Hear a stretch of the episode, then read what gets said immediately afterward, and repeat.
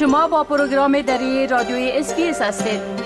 گزارشات عالی را در sbs.com.au دری پیدا کنید. حال جاوید روستاپور خبرنگار برنامه دری رادیوی SBS برای جنوب آسیا درباره رویدادهای مهم در افغانستان صحبت می کنند. آقای روستاپور سلام عرض می کنم خب اولتر از همه گفتم میشه که شیوع تب دنگی در افغانستان نگرانی های را به وجود آورده و همچنان سازمان جهانی صحت هم در این باره تبصره هایی داشته بله؟ با سلام وقت شما بخیر آقای که بله سازمان صحی جهان یا WHO در یک اعلامیه تازه گفته که شروع فصل بارندگی و موارد ابتلا به بیماری تب دنگیر دنگیر در افغانستان افزایش خواهد داد. این نهاد در یک اعلامیه گفته که تا کنون اینا تعدادی از دکتران را و مواد لابراتوار و مواد را در شماری از کلینیک ها و شفاخانه ها جابجا کردند. ولی به دلیل از اینکه در افغانستان در بخش صحت با کمبودی کادر و متخصص مواجه فعلا بخشیت افغانستان.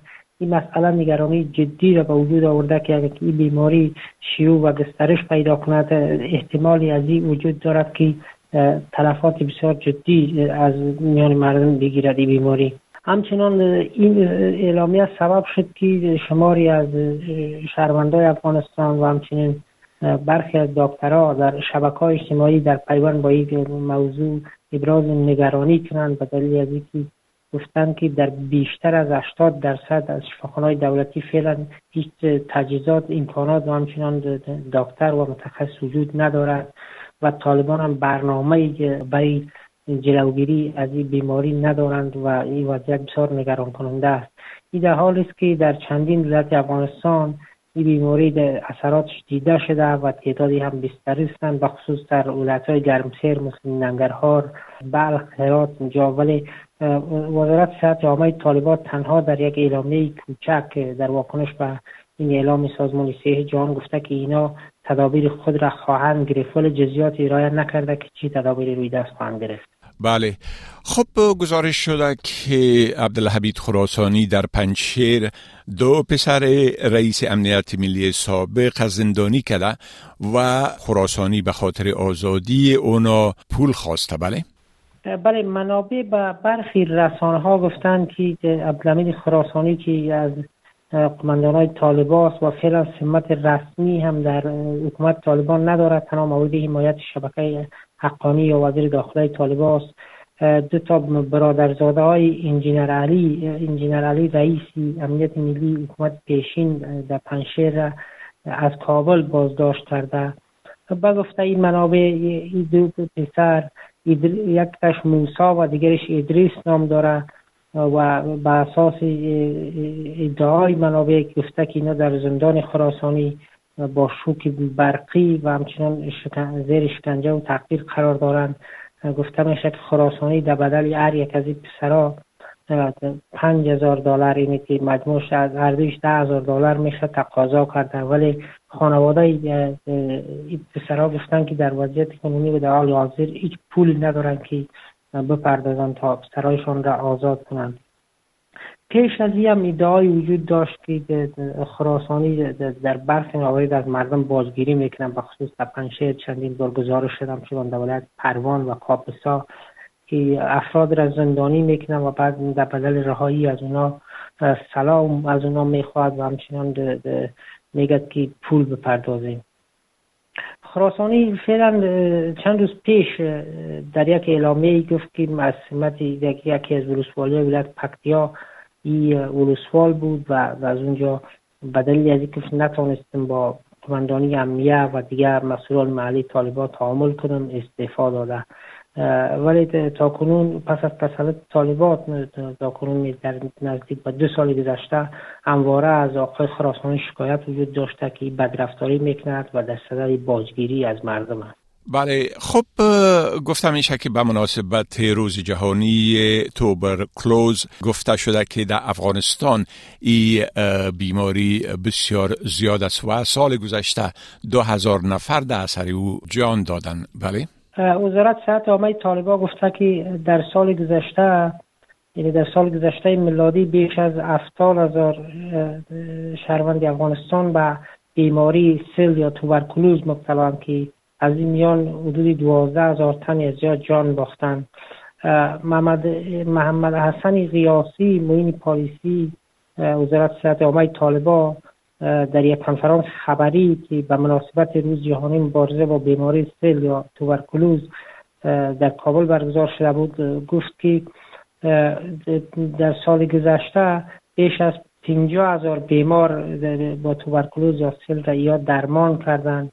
و متباقی گفت بیشتر کسانی که توبرکلوز یا بیماریشان پیشرفته بوده یا جان باختن. اما همزمان با کنفرانس طالبا این روز در شبکه های اجتماعی سرش تبصرهایی شد.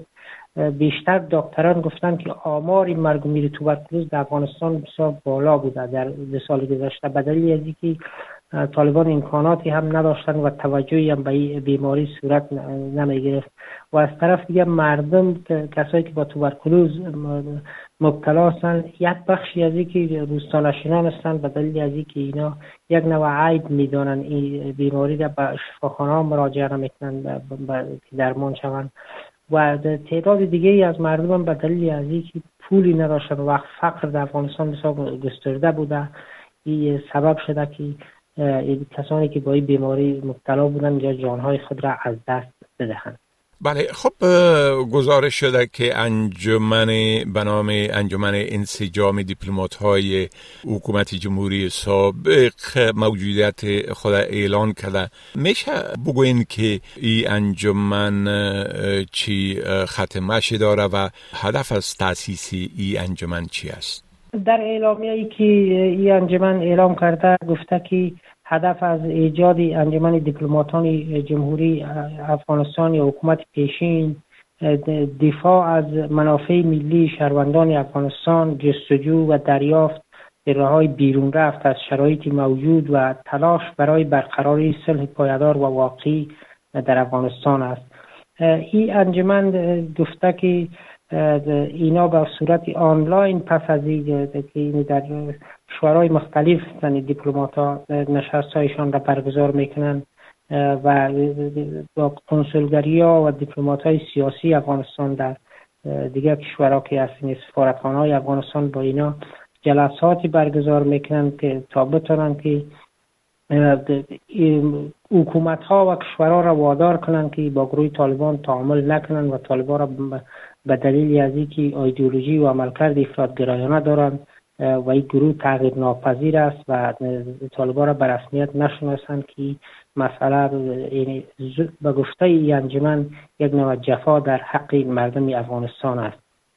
این در حالی است که پس از تسلط طالبان بر افغانستان شمار زیادی از دیپلمات‌های افغانستان به کشورهای دیگر پناهنده شدن و تعدادی اندکشان به طالبان یکجا شدن و اما کنون هم با, شمول سه چهار کشور در سایر نمایندگی های افغانستان هنوز هم دیپلمات ها و سفیران پیشین فعالیت می‌کنن و در بعضی از کشورها سفارتخانه های افغانستان به صورت کلی فلج است.